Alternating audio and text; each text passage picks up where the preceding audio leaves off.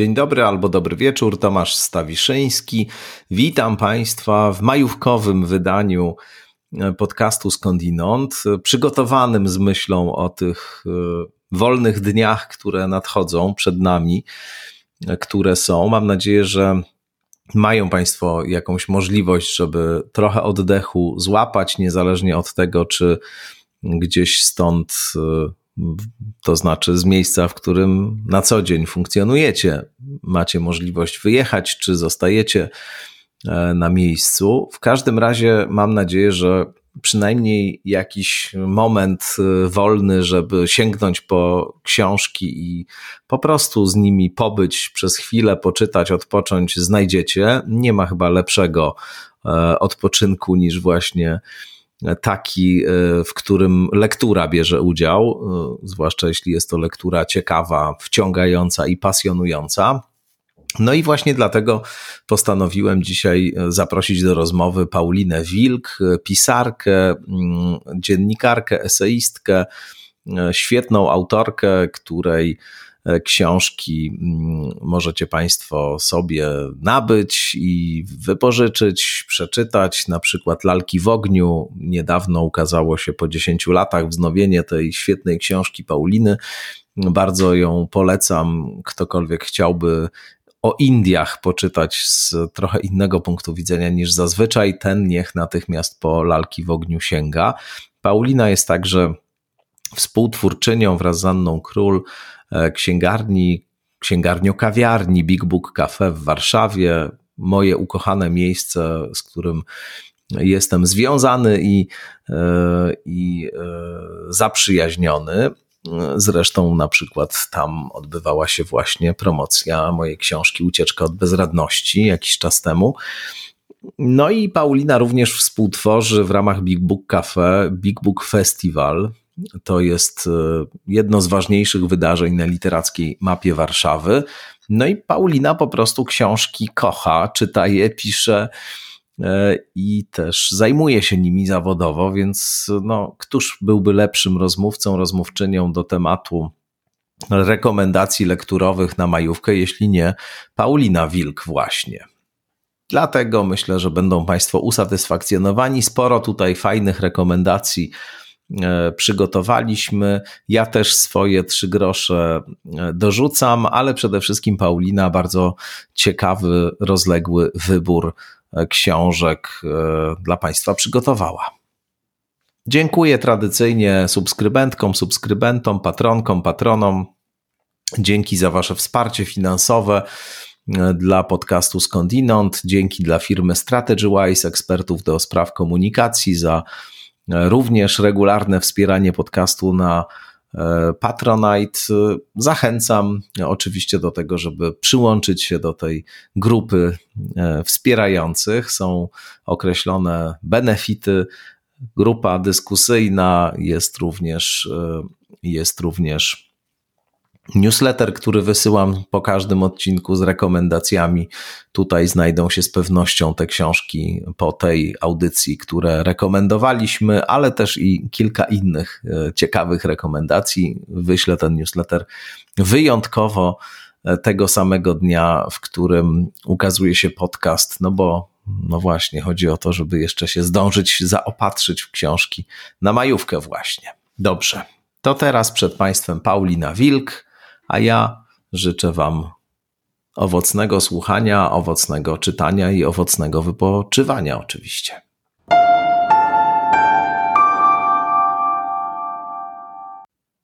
Paulina Wilk, gości w podcaście Skądinąd. Dzień dobry, Paulino. Dzień dobry albo dobry wieczór. Właśnie, to prawda, słusznie.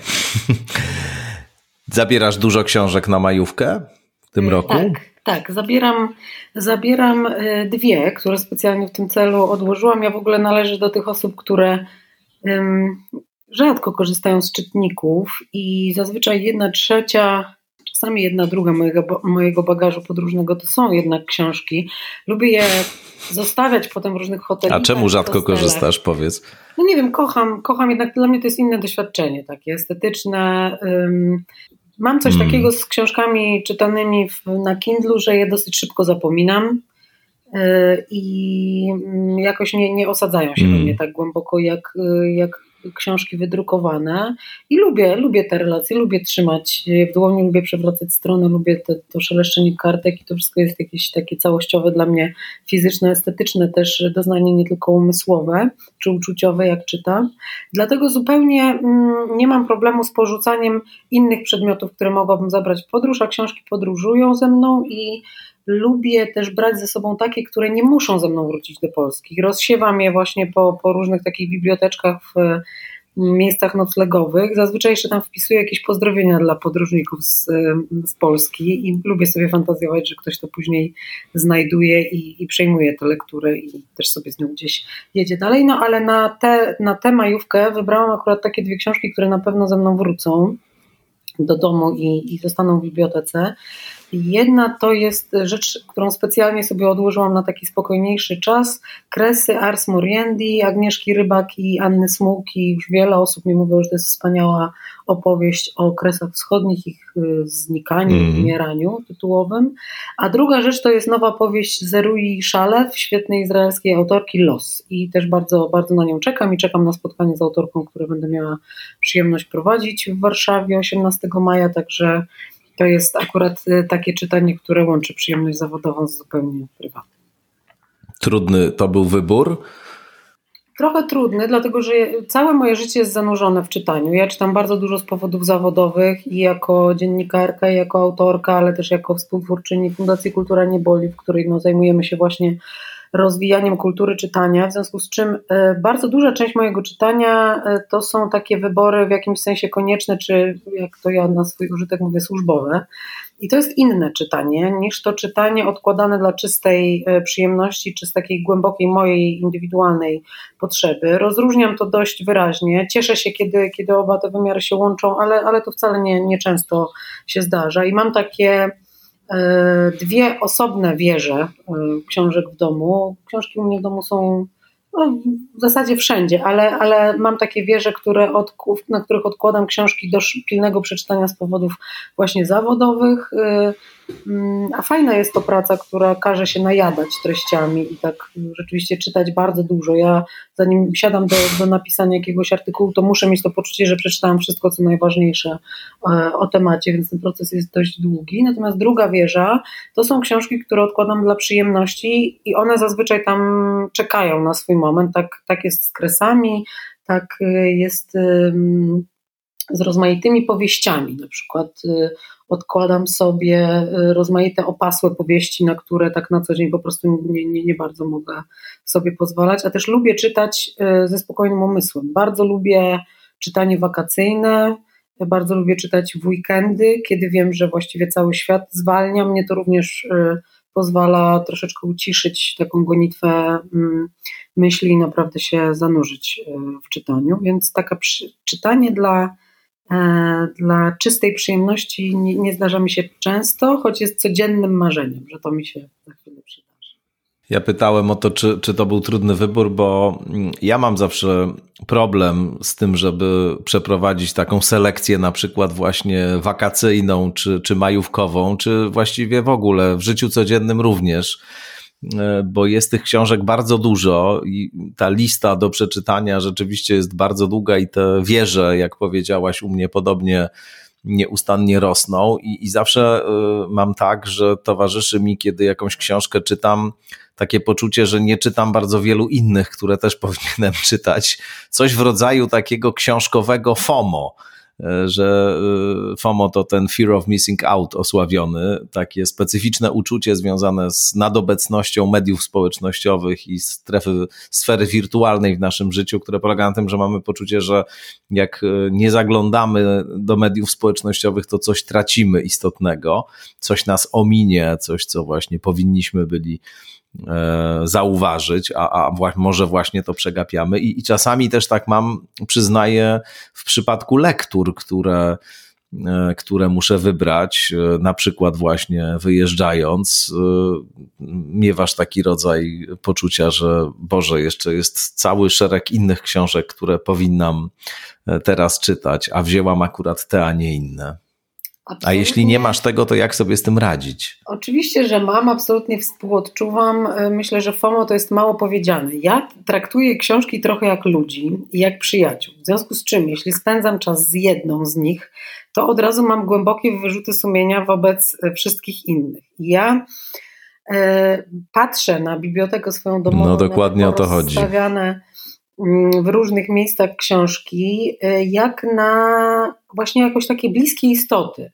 Rozmawiam często z ludźmi o tym, po co im są biblioteki domowe, co, co czują wobec tych książek. I ja mam, mam jakieś takie e, poczucie, że to jest głęboka część mojej tożsamości, że to jakie mam książki na półkach, wśród jakich obiektów literackich żyję, jest trochę takim moim wyborem w ogóle uniwersum, w którym się poruszam.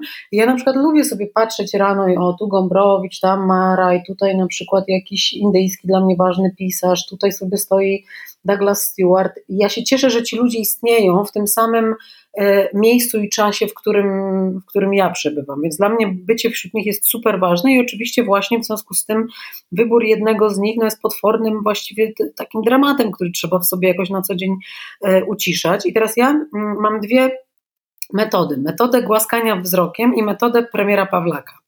E, mianowicie robię tak. E, te wszystkie nowe książki, które wychodzą, a ja z racji swojej pracy też jestem. Co jest dobre. Zwłaszcza ta druga jakoś tak, wywołuje moją ciekawość. E, już zaraz wyjaśnię, na czym, na czym te metody polegają, bo ja właśnie żyjąc w no, takim epicentrum, można powiedzieć, przemysłu wydawniczego i, i w ogóle kultury czytania w Polsce, mam, myślę, wyjątkowo dużą świadomość tego, jak dużo nowych książek się pojawia, jak wiele tych wyborów trzeba czytelniczych e, dokonywać. I teraz mm, metoda Waldemara Pawlaka, mm, o której kiedyś mi powiedziano, to jest anegdota, ale mam nadzieję, że prawdziwa. Polega na tym, że premier Pawlak e, mawiał, że istnieją dwa rodzaje problemów takie, które naprawdę trzeba pilnie rozwiązać i takie, które jak poleżą chwilę, to się same rozwiążą albo znikną i okaże się, że już rozwiązywać ich nie trzeba. Ja stosuję tę metodę e, wobec książek, które ukazują się, są nowe, jest wokół, wokół nich jakieś ogromne zamieszanie, takie wzmożenie też często emocjonalne, wzmożenie recenzenckie, jakiś dyskurs się toczy e, e, nimi sprowokowany. I ja staram się nigdy ich nie czytać wtedy, kiedy ta gorączka panuje i czekam. I bardzo często w sumie zdarza się, że po roku czy dwóch, kiedy patrzę na tę książkę, to już nie mam w sobie takiego alarmistycznego uczucia, że ona musi zostać przeczytana. I uważam, że ten czas e, też dość dobrze weryfikuje mm, taką istotność e, wielu, wielu premier i czasami do takich książek nie wracam. I to muskanie wzrokiem po miesiącu, po dwóch, po trzech jest dla mnie takim sprawdzeniem, czy ja z tą książką naprawdę chcę być. I są takie książki, o których wiem, że ich nie oddam, bo one czekają na swój czas i muszą w tej bibliotece być, bo ten dzień nadejdzie. I takie, które na przykład po kilku miesiącach jednak spokojnie oddaję komuś albo na jakiś y, dobry cel. Więc ja sobie tak radzę z, z tym nadmiarem, co oczywiście nie zmienia faktu, że. Że tych książek e, w domu jest bardzo dużo i trudno mi sobie wyobrazić jakąkolwiek przeprowadzkę, bo ja w zasadzie nie posiadam przedmiotów, ale, ale przedmioty literackie e, to jest właśnie to, co mocno zamieszkuje. Tak, no to, to przeprowadzki i pudła wypełnione książkami i też taka świadomość, która wtedy się pojawia zazwyczaj dopiero wtedy, kiedy się kiedy trzeba te wszystkie książki do pudeł spakować, jak ogromną one e, przestrzeń zajmują i e, jakie są ciężkie, to rzeczywiście jest też i moje doświadczenie. A powiedz, czy w przypadkach, bo rozmawiamy cały czas o takim czytaniu rekreacyjnym, nazwijmy to, ale niekoniecznie rekreacyjnej literatury, oczywiście, tylko takim czytaniu na majówce, na wakacjach to y, literatura popularna, jakieś guilty pleasures, sięgasz po takie rzeczy, nie właśnie zawsze te, które y, no, z różnych powodów wydają się być bardzo mm, jakoś wartościowe, literacko wysmakowane, dostarczające wiedzy o świecie, tylko takie, które po prostu są czystą rozrywką. Masz i takie lektury na swoim koncie? Zabierasz takie książki też y, na wakacje, na majówkę?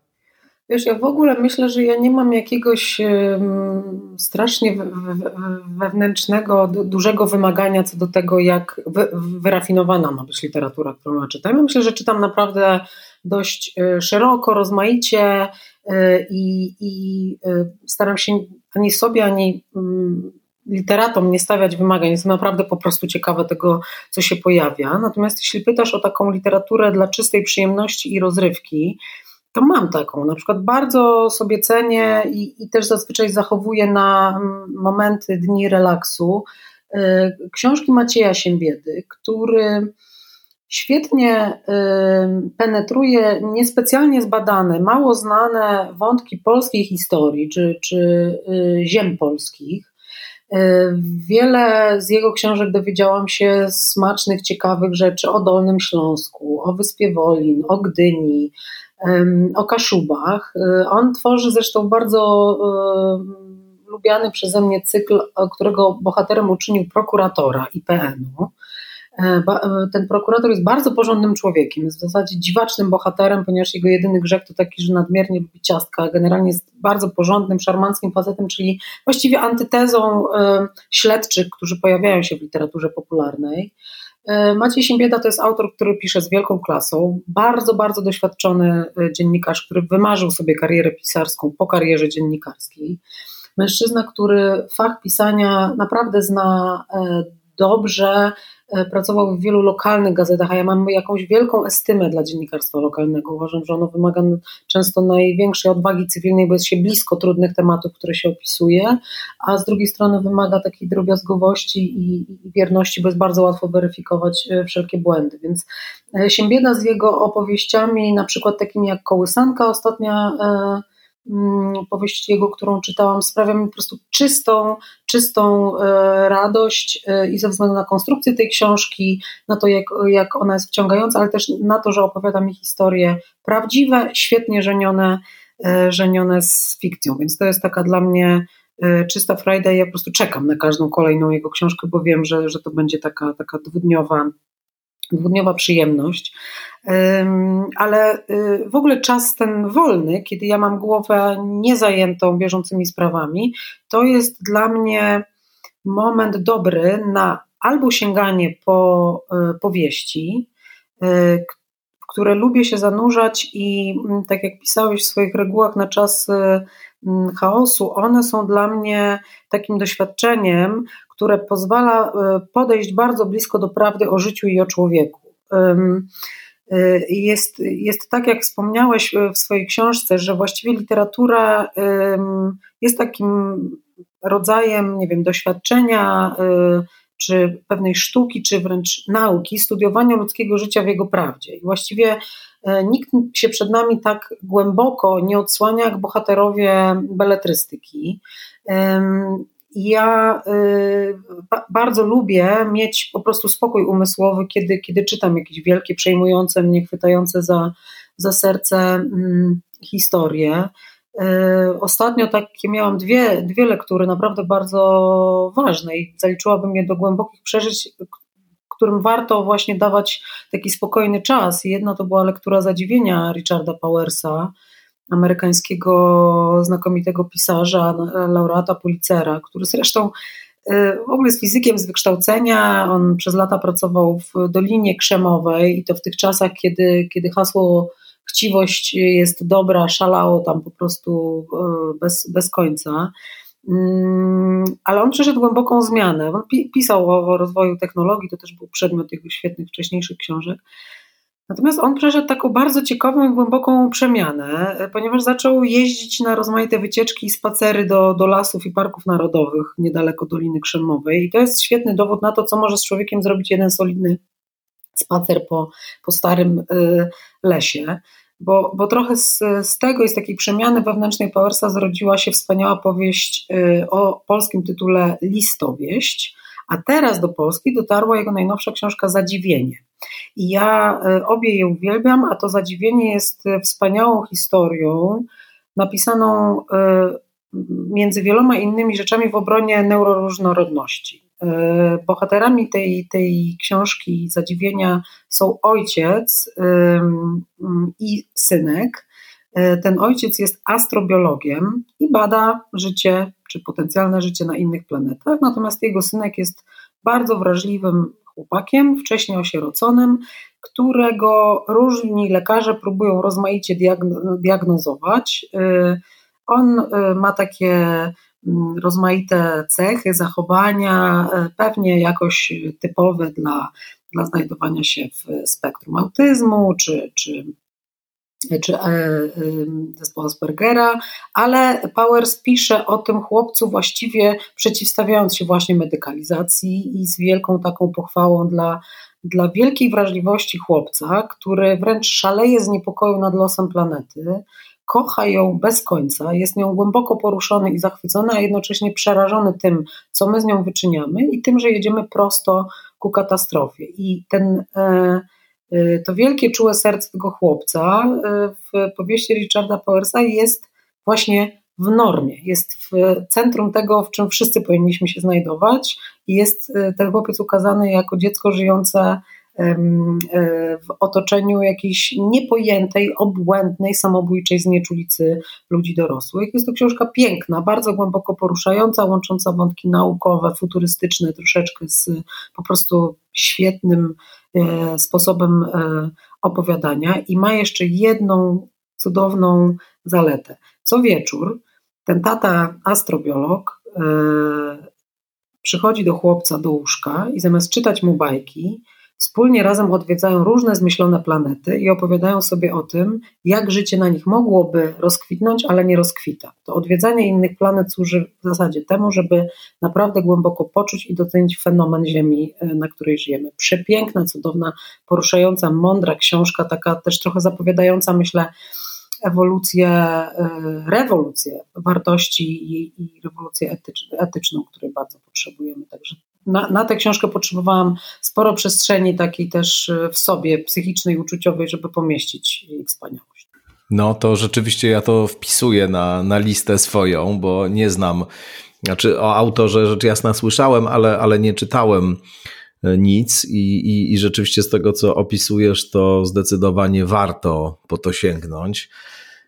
Jeszcze w temacie literatury popularnej ja chciałem z kolei y, wyznać, że dla mnie taką y, literaturą, dzięki której odpoczywam w sposób całkowicie taki y, niezobowiązujący i czytam ją rzeczywiście dla czystej przyjemności, ale też podziwiam za umie, autora, za umiejętność konstruowania opowieści, trzymania w napięciu i, i, i też za korzystanie z takich niby dobrze znanych i E, na różne sposoby już przećwiczonych e, składników e, tradycji kryminalnej czy tradycji thrillera literackiego, ale no właśnie korzystanie, które też wytwarza jakąś nową jakość i, i, i naprawdę jest czystą wirtuozerią. Myślę o cyklu powieści Lee Childa o Jacku Richerze. Ja to naprawdę uwielbiam. Jeszcze nie przeczytałem wszystkich, e, sporo przede mną, bo on tego napisał e, dużo, ale to się łyka po prostu e, naprawdę łatwo, gładko i z dużą satysfakcją. I jak właśnie jestem zmęczony albo po jakiejś intensywnej pracy intelektualnej, albo jak mam właśnie potrzebę takiego zupełnie czystego odpoczynku i przyjemności, to właśnie sobie czytam Lee Childa. Przyznam, że akurat te książki często czytam na czytniku, e, ale e, mam podobny stosunek do czytnika co ty i rzeczywiście używam go tylko w niektórych sytuacjach i akurat właśnie lektura takich lekkich e, kryminałów, które przez które się płynie, to to jest w sam raz na czytnik, jak dla mnie. Ja y, y, w ogóle uważam, że nie ma to jak kryminałki. Ja, ja je tak nazywam, pożyczyłam to określenie od mojej cioci, która no na lat 80. przeczytała wszystko, co należy i czego nie należy przeczytać. I te kryminałki to jest naprawdę y, wspaniały odpoczynek dla umysłu, a też no jednak często one zawierają jakąś intrygę, więc tutaj głowa pracuje. Jakby nie łudźmy się, że, że czytanie jest biernością, nawet jeżeli czytamy książki, jak powiedziałeś, o, obracający się w pewnych schematach czy warunkach pewnej gry, bo przecież na, dlatego tak doceniamy mistrzów mm, takich jak Lee Child, że oni potrafią żonglować tymi y, znanymi narzędziami i kulkami, ale jednak robić to w jakiś sposób y, intrygujący, mimo że znany. Teraz mnie się wydaje, że super ważną częścią odpoczynku zaklętego w takich lekturach. Dla mnie na przykład taką lekturą jest po prostu notoryczne powracanie do rozmaitych książek Agaty Christie. Ja, ja to robię. Ty masz swojego Lichilda, ja swoją Agatę. Ale teraz myślę sobie, że tak, bardzo ważną częścią tego, dlaczego naprawdę głęboko odpoczywamy przy takiej lekturze, jest właśnie to, że ona się odbywa w pewnych znanych nam y, ramach. I a propos odpoczynku, ja jestem piewczynią świetnej książki, do której też często wracam, autotematycznej, bo nazywającej się Sztuka Odpoczynku. Napisała ją Claudia Hammond, brytyjska dziennikarka naukowa, która współpracuje z BBC od lat. Ona ma tam swoje audycje Health Check i audycję All in the Mind, e, czyli taką ogólno-zdrowotną i bardziej poświęconą neuronaukom. I ona od lat opisuje y, ciekawe y, różne aspekty na, na, na przecięciu zdrowia i psychologii. I wspólnie z kolegami badaczami z Uniwersytetu Sussex y, tworzyła pierwsze w świecie globalne badanie odpoczynku. Ono się nazywało The Rest Test, przeprowadzono je w 140 czy 150 krajach. I tam się okazało z tego badania, że tym, co ludziom na całym świecie przynosi najgłębsze poczucie regeneracji i odpoczynku, jest zaskoczenie, czytanie książek. I y, z, tej, z tego badania zaznaczam, wyłączony był sen. Tu chodziło o badanie aktywności. I wśród dziesięciu najpopularniejszych czynności, aktywności, które robimy jako ludzie, żeby dać sobie poczucie właśnie relaksu, e, pojawiały się rzeczy niezaskakujące, takie jak na przykład spacer, czy oglądanie telewizji, czy wzięcie gorącej kąpieli, ale też rzeczy dość zaskakujące, jak właśnie czytanie, które wygrało i Hammond i badacze poszli trochę tym tropem, żeby ustalić dokładnie, dlaczego właśnie czytanie nam daje to poczucie e, relaksu i dlaczego właściwie wielu z nas towarzyszy taka fantazja, że o, idą wakacje, idzie majówka, to sobie wreszcie poczytam. E, w zasadzie mechanizm jest jakoś prosty i też związany z Twoimi refleksjami zawartymi w e, regułach na czas chaosu. Mianowicie to przybliżenie się do cudzego życia, do innego świata, możliwość ćwiczenia teorii umysłu, E, wyobrażanie sobie e, cudzych przeżyć, taka zdolność współodczuwania, zanurzenia się właśnie w alternatywną jakąś rzeczywistość, w czytaniu dzieje się jakoś najgłębiej i najmocniej. No mamy, mamy już trochę, choć niewiele jeszcze chyba e, badań dotyczących tego, co się dzieje z mózgiem, kiedy czytamy. I Hammond w tej książce skupia się na wyjaśnieniu tego fenomenu i pokazuje, że że nasze mózgi są tak głęboko e, pochłonięte czytaniem, po, po około 20 minutach, jak wejdziemy w jakąś powieść i wejdziemy w tak zwane czytanie głębokie, to naprawdę tak wiele sieci neuronowych jest pobudzonych, że po prostu okazuje się, że my jesteśmy gdzieś indziej. Co prawda siedzimy w fotelu i czytamy albo leżymy na leżaku, albo na pomoście na Mazurach, ale tak naprawdę nasz umysł jest właśnie w tych światach alternatywnych, czyli co robi? Dokładnie odpoczywa od tego, o czym myśli na co dzień. Więc ta magia odpoczywania przy czytaniu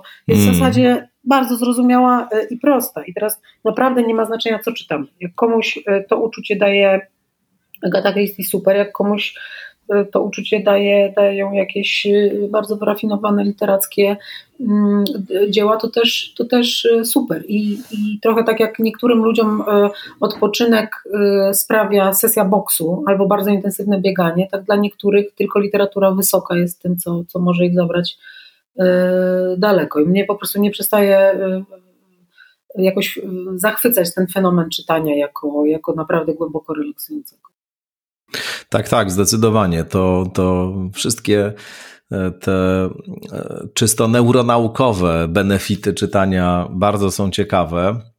E, I zgadzam się z tym, że w zasadzie nie ma znaczenia, co ważne, żeby w ogóle, choć oczywiście nie znaczy to, że negujemy teraz hierarchię literackie i że zrównujemy ze sobą e, literaturę rozrywkową, gatunkową, nie wiem, z literaturą wysoką, nic podobnego. No chodzi po prostu o pewien efekt, który może to e, wywierać. Oczywiście Agata Christie absolutnie. E, skądinąd bardzo ciekawa była dla mnie wiadomość, którą mi jakiś czas temu przekazałaś, że e, to nowe wydanie Agaty Christie e, dzieł e, przez wydawnictwo Dolnośląskie, zresztą bardzo ładne, w twardych oprawach, z taką staranną szatą graficzną, cieszy się dużą popularnością wśród młodych czytelników i czytelniczek. To rzeczywiście się tego nie spodziewałem, że to będzie się sprzedawać i że ona jest autorką, która zawsze znajduje E, swoich e, wielbicieli i wielbicielki, to, to było dla mnie pewne, ale że akurat e, młode pokolenie będzie sięgać po takie retrokryminały, dość poczciwe w sumie na tle tej produkcji, którą dzisiaj mamy, no to było dla mnie duże zaskoczenie, przyznaję. Dla mnie również. Zastanawiałam się długo, z czego to może się brać, i, i być może to, że z jednej strony Christie oferuje taką bardzo przystępną psychologię, no bo przecież na tym polegał też fenomen E, pierwotny e, popularności jej książek, to, to było to, że ona stosowała tą wczesną, jeszcze bardzo młodą wiedzę psychologiczną, e, czy czerpaną z psychoanalizy jakoś ją w takie popowe mm, ramy kryminałów wprowadzała. No niewątpliwie ten, ten aktualny fenomen po prostu dowodzi y, uniwersalnej siły jej książek. Tego, że te, te postaci, które ona tworzyła, czy to była Panna Marple, czy, czy Poirot, no, no, naprawdę śmieszą i jakoś y, bawią, imponują do dzisiaj, że to są po prostu świetnie napisane książki. Myślę, że wspaniałe jest i to, że y, ona znała siłę krótkiego rozdziału pisała też opowiadania, one są teraz zbierane właśnie w tomach w tej serii, o której wspomniałeś, ślicznie też wydanej.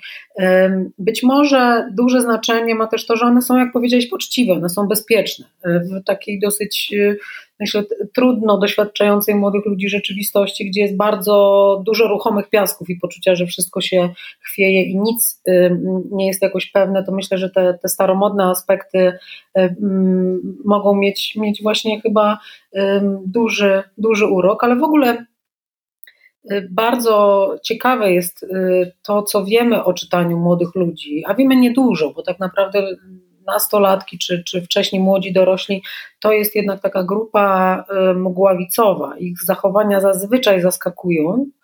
E, wydawcy starają się za nimi jakoś nadążać, ale to się nieczęsto nie udaje. To znaczy, trudno jest zbudować jakiś trend na podstawie popularności czy wielkiego fenomenu jednej czy dwóch e, książek. I to, to, to jest takie gonienie właśnie mgławicy, które nie wiadomo, którędy e, popłynie. Ale mamy fajne myślę, takie pozytywne mm, już informacje, nawet odzwierciedlające się w mm, corocznym raporcie Biblioteki Narodowej e, o stanie polskiego czytelnictwa, które pokazują, że czytelnictwo wśród młodych ma się nieźle, jakieś tam wskaźniki w tym roku podskoczyły i to jest jeszcze jeden mm, kamyczek y, no, do, do budowania jednak e, jakiegoś pozytywnego widzenia tego, jak czytanie funkcjonuje wśród ludzi młodych i jaka może być jego przyszłość, ponieważ te wszystkie takie mroczne proroctwa o tym, jak to młodzi ludzie niczego nie czytają, niczego nie będą czytali, po prostu nie, nie okazują się prawdziwe. To są kwestie osobnicze, czyli, bo, bo znam nastolatków, którzy czytają niesamowicie dużo,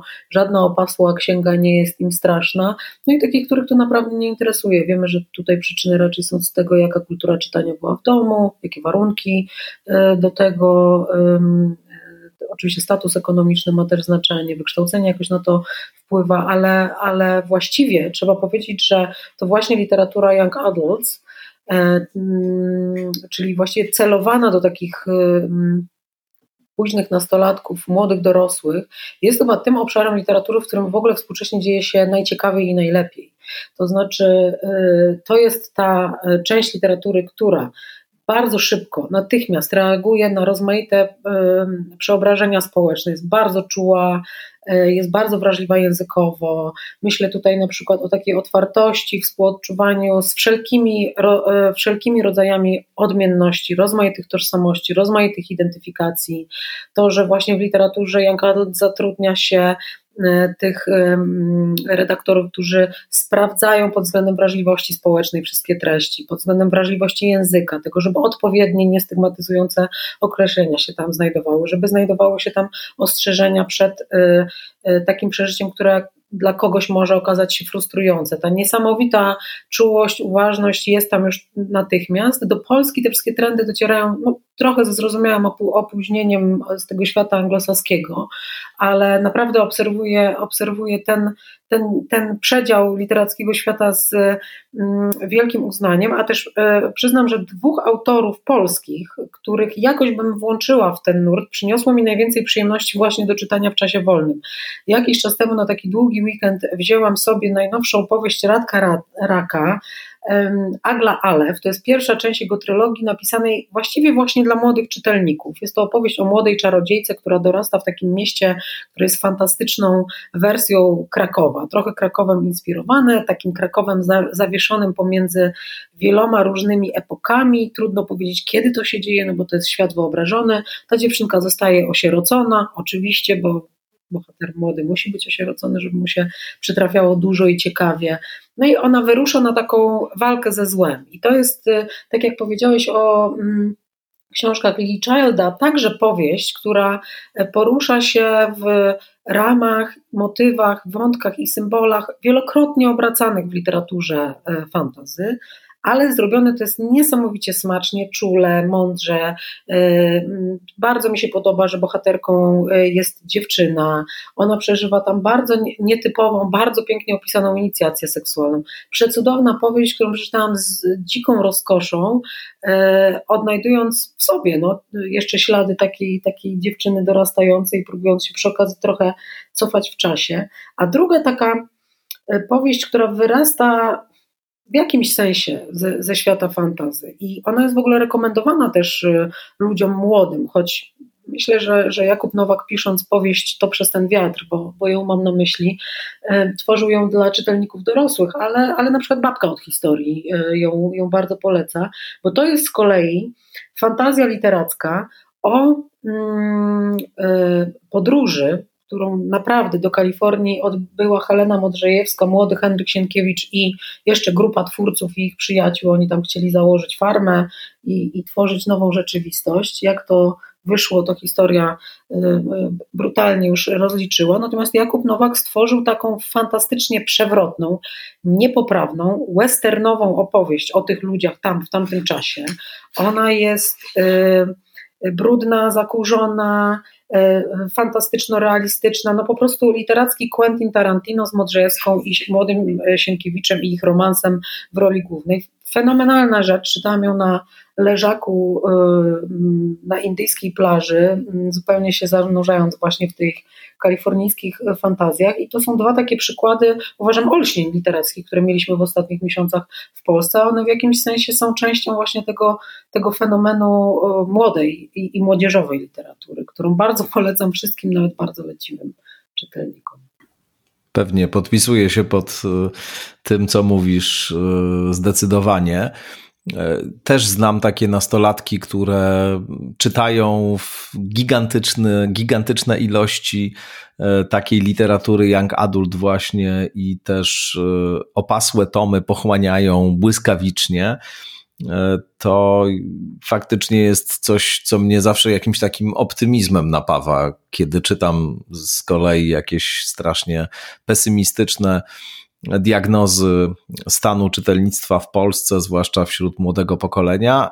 No ale z drugiej strony mam właśnie te doświadczenia, znajomości z takimi nastolatkami, którzy kompletnie przeczą tym stereotypowym opisom. Kiedy mówiłaś o tym czytaniu w wieku nastoletnim, to mi się z kolei przypomniało coś, co, do czego wróciłem po, po wielu latach z ogromną satysfakcją zresztą to znaczy Sherlock Holmes. Mhm. Niedawno sobie kupiłem e, wydanie e, dzieł wszystkich Conan Doyle'a poświęconych Sherlockowi Holmesowi właśnie e, i po prostu przemknąłem przez te książki takim jednym tchem. Trochę się bałem, bo zastanawiałem się, jak to będzie po latach wrócić do czegoś, co już ma przecież, co zostało już napisane dosyć dawno temu i może E, w porównaniu z jakimiś współcześnie niezwykle e, skomplikowanymi i obmyślonymi e, i właśnie trzymającymi w napięciu intrygami, to te intrygi nie będą aż tak porywające. Nic podobnego. Te książki, te opowiadania, te, te powieści się naprawdę nie zestarzały i fantastycznie czyta się te historie i też jak się to czyta, a zna się trochę mm, tradycję literatury kryminalnej, to widać jak te archetypy, które Conan Doyle uruchomił, jak te figury, postacie, które stworzył, wciąż na nowo się odradzają w tych różnych książkach y, i pod różnymi postaciami. Natomiast jedną rzeczą, która rzuca mi się w oczy, zresztą w ogóle mi się rzuca, kiedy czytam e, te książki napisane e, kilkadziesiąt lat temu albo sto kilkadziesiąt lat temu, e, Otóż w porównaniu z tymi, które są dzisiaj, otóż faktycznie jest pewien rodzaj takiego specyficznego przyspieszenia, e, jakiejś takiej e, e, nacisku na taką ekonomikę wypowiedzi, na to, żeby cię to wszystko strasznie trzymało w napięciu i żeby pojawiały się nieustannie jakieś dramatyczne zwroty akcji. Tutaj mamy też, zresztą u Agaty Christie tak jest, do czynienia z taką spokojniejszą narracją, jeśli można tak powiedzieć, i z rozwijaniem tej i rozwikływaniem tej tajemnicy, które jest powolniejsze aniżeli to, co dzieje się we współczesnych e, książkach czy we współczesnych narracjach. I, I, sama ta zmiana wydaje mi się w ogóle dosyć symptomatyczna i ciekawa, związana chyba w ogóle z przyspieszeniem, jakiego w kulturze doświadczamy. Absolutnie, zgadzam się z Tobą i myślę, że E, czytanie tych, tych książek sprzed kilku dekad to trochę jest właśnie tempo spacerowe, czyli ludzkie, albo taka spokojna jazda na rowerze. I to jest takie tempo, które pozwala w ogóle dostrzegać rzeczywistość, dostrzegać rozmaite niuanse, smaczki, które tam E, tam są między słowami ukryte, ale też w ogóle mm, odpowiada to chyba tempu e, naszego myślenia i przeżywania. Pewnie w tym też jest e, zaklęty ważny aspekt tego, dlaczego przy nich odpoczywamy. I też zgadzam się z Tobą, że ta współczesna literatura i non-fiction i fiction żyje w, jakiś, w jakimś dyktacie, a nawet strachu przed utratą czytelnika. To znaczy w takim poczuciu rywalizacji obłędnej zupełnie o nasz czas, w nieufności wobec czytelnika, że on nie porzuci tego tekstu dla komunikatu, który przyszedł właśnie w telefonie, albo dla jakiejś innej atrakcji, która, e, która mu się przed oczami zjawi. I e, myślę, że ten lęk, no w jakimś sensie egzystencjalny, który towarzyszy współcześnie pisarzom, e, jest y, prawdziwy i że on się przekłada na ten, y, na ten język. To znaczy, y, bardzo niewielu jest moim zdaniem pisarzy, którzy na przykład jak Douglas Stewart, to też jeden z moich ostatnich zachwytów, jego, jego nowa powieść Młody Mungo, ale też wydana bodaj dwa lata temu w Polsce Shaggy Bane. E, dla mnie to jest przykład takiego pisarza, który trochę tworzy poza czasem, to znaczy bez tego lęku, o którym my mówimy. On pisze językiem bardzo specyficznym, trudnym, to jest język osadzony w rzeczywistości przez niego opisywanej. W Shaggy Bane to były lata 80. w Glasgow, w klasie robotniczej, stłamszonej reformami Margaret Thatcher, e, w takiej rodzinie, którą nieładnie rzecz nazywając, byśmy określili, że, że jest z jakiegoś marginesu społecznego, mm, a Młody Mungo dzieje się w kolejnej dekadzie, w latach 90. takiej rzeczywistości gangów, katolików walczących z protestantami. To właściwie jest jakiś śmietnik rzeczywistości, okropna, brutalna rzeczywistość, na której jednak y, Stewartowi udaje się opisywać y, rozkwit uczucia, miłości, bardzo głębokich, bardzo poważnych, bardzo silnych relacji, czy, czy w rodzinach, nawet głęboko dotkniętych i poturbowanych i dysfunkcyjnych, czy, czy w przypadku młodego Mongo to jest y, miłość dwóch młodych chłopaków wyrastająca i na zgliszczach i właściwie wśród płomieni, no w jakimś tam ogniu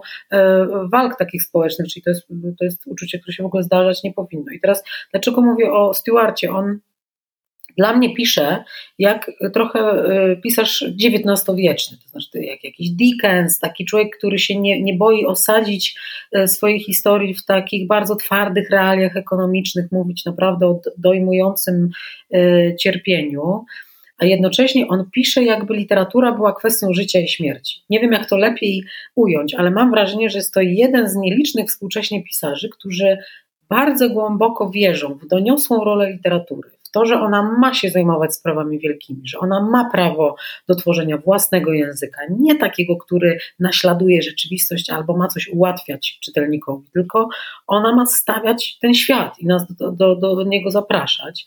I na mnie ta książka robi właśnie wrażenie ze względu na jakiś nie tylko na wielki talent Douglasa, na to, że to jest książka, która rozrywa serce, to strasznie boli czytanie tej książki, ale ze względu na to, że mam wrażenie, że ten człowiek się nie boi współczesności, znaczy nie boi się tego, że na niego nie ma miejsca. Tymczasem ten język, o którym ty mówisz, przyspieszony, zagęszczony, taki straszny jakiś pragmatyzm za nim stoi, to on, on, on rzeczywiście jest chyba jakąś, jakąś neurozą naszego e, czasu, która się w literaturze mm, odzwierciedla. Ty powiedziałaś o swoim powrocie do Conana Doyle'a, który zresztą dla Agaty Christie też był bardzo ważnym na pewno autorem, a ja właśnie w takie wolne dni, jak majówki, jak wakacje, e, e, czasami pozwalam sobie wracać do, do książek dawno już przeczytanych, które kiedyś były dla mnie e, bardzo istotne i nadal są na tej mojej półce właśnie jako takie filary mnie samej.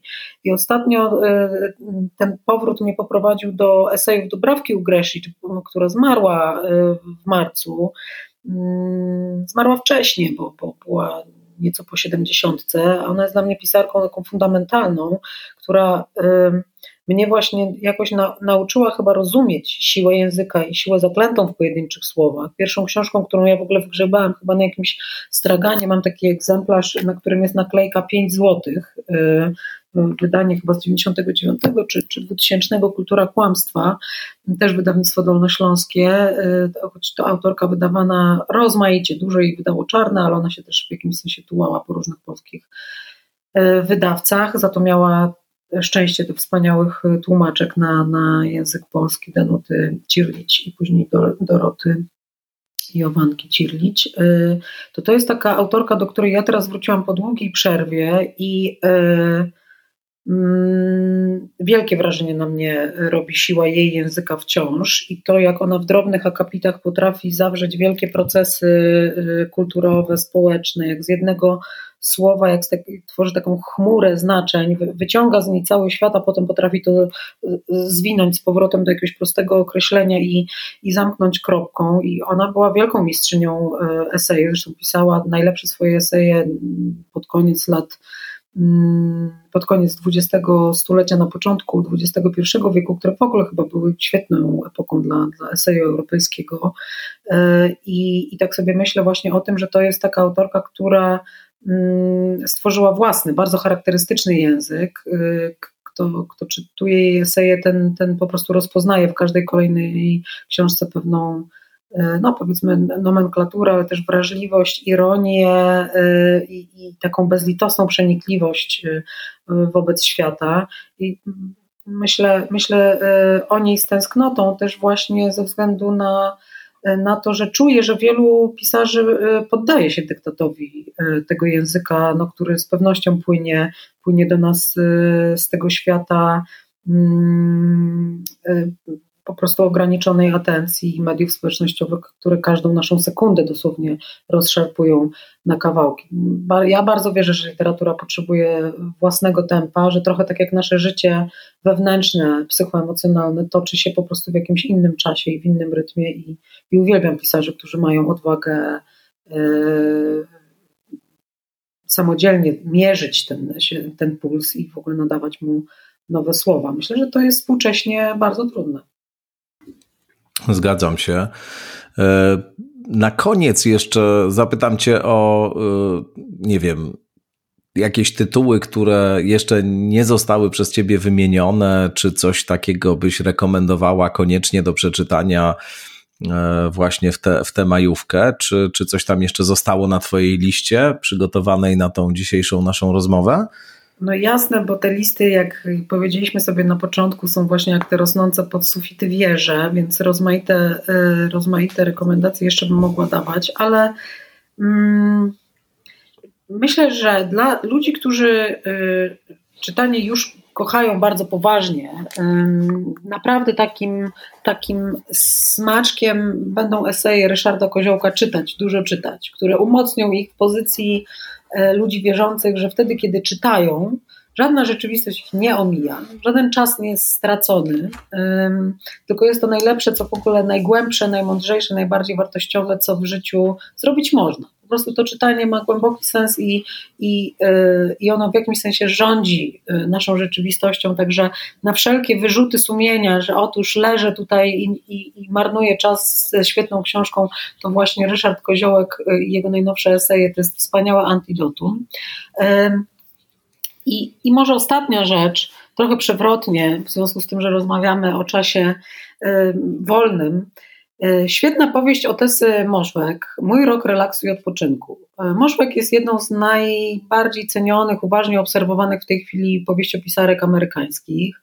To nie jest jej najnowsza powieść, to jest powieść sprzed kilku lat, e, wydana u nas w wydawnictwie Pauza, zresztą ostatnio ożywiona ponownie na, na deskach Teatru Studio w świetnym spektaklu. Mm, to jest powieść, która toczy się w roku 2001 w Nowym Jorku i e, jest właściwie e, takim szklanym kloszem Sylwii Plath, tylko e, bardzo przewrotnie, błyskotliwie przepisanym, czy wręcz napisanym na nowo kilkadziesiąt lat później, opowieścią o kobiecie w głębokim kryzysie psychicznym, która wymyśla sobie pomysł na przespanie samej siebie i okropności współczesnego świata. E, ten pomysł na przespanie mm, wzmacniane rozmaitymi lekami, które sobie sama e, podaje, w jakimś momencie tej opowieści zmienia się w projekt artystyczny. Książka zawiera gorzki, e, no właśnie przewrotny, ale też, też zupełnie niezwykły happy end, jeśli tak można nazwać ostatnią scenę tej, tej powieści, która rozgrywa się dokładnie 11 września 2001 roku. Ale jest to, jest to po prostu wspaniała książka, napisana w jakiś niesamowicie wciągający sposób y, i napisana, y, powiedziałabym, w taki nieznany chyba w naszej części y, świata sposób, który imituje powieść szalenie lekką, czysto rozrywkową. Mo, Możwek kpi z pojęcia odpoczynku i relaksu, dając nam książka, która sama między, wchodzi nam między żebra, sama wchodzi w nas, nie wiadomo kiedy, nie można po prostu e, przestać przewracać kolejnych stron, a jednocześnie e, przynosi jakieś bardzo głębokie e, przeżycie. I ja, ja podziwiam taką, taką inteligencję i, i zabieg bardzo sprytny tej pisarki. Także ta książka przyniesie relaks, odpoczynek, ale też dotkliwe refleksje, czyli wszystko, czego no taki ciekawy świata i ambitny czytelnik może potrzebować na mojego Super. Bardzo Ci dziękuję za te majówkowe rekomendacje. No i cóż, do, dobrej lektury wszystkim życzymy po prostu i tyle. Wszystkim krótkie, długie, kryminałki i nie tylko, wszystko to przynosi przyjemność. Ja bardzo dziękuję za, e, za możliwość opowiedzenia o książkach, które które kocham, bo to jest też, e, jak każdy czytelnik wie, możliwość podania książki dalej to jest e, coś, co bardzo wzmaga przyjemność czytania. Także dzięki serdeczne za, za zaproszenie. O tak. Bardzo Ci dziękuję raz jeszcze. Paulina Wilk była z nami. No i raz jeszcze dobrej lektury Państwu życzymy. No i do usłyszenia w kolejnych odsłonach skądinąd.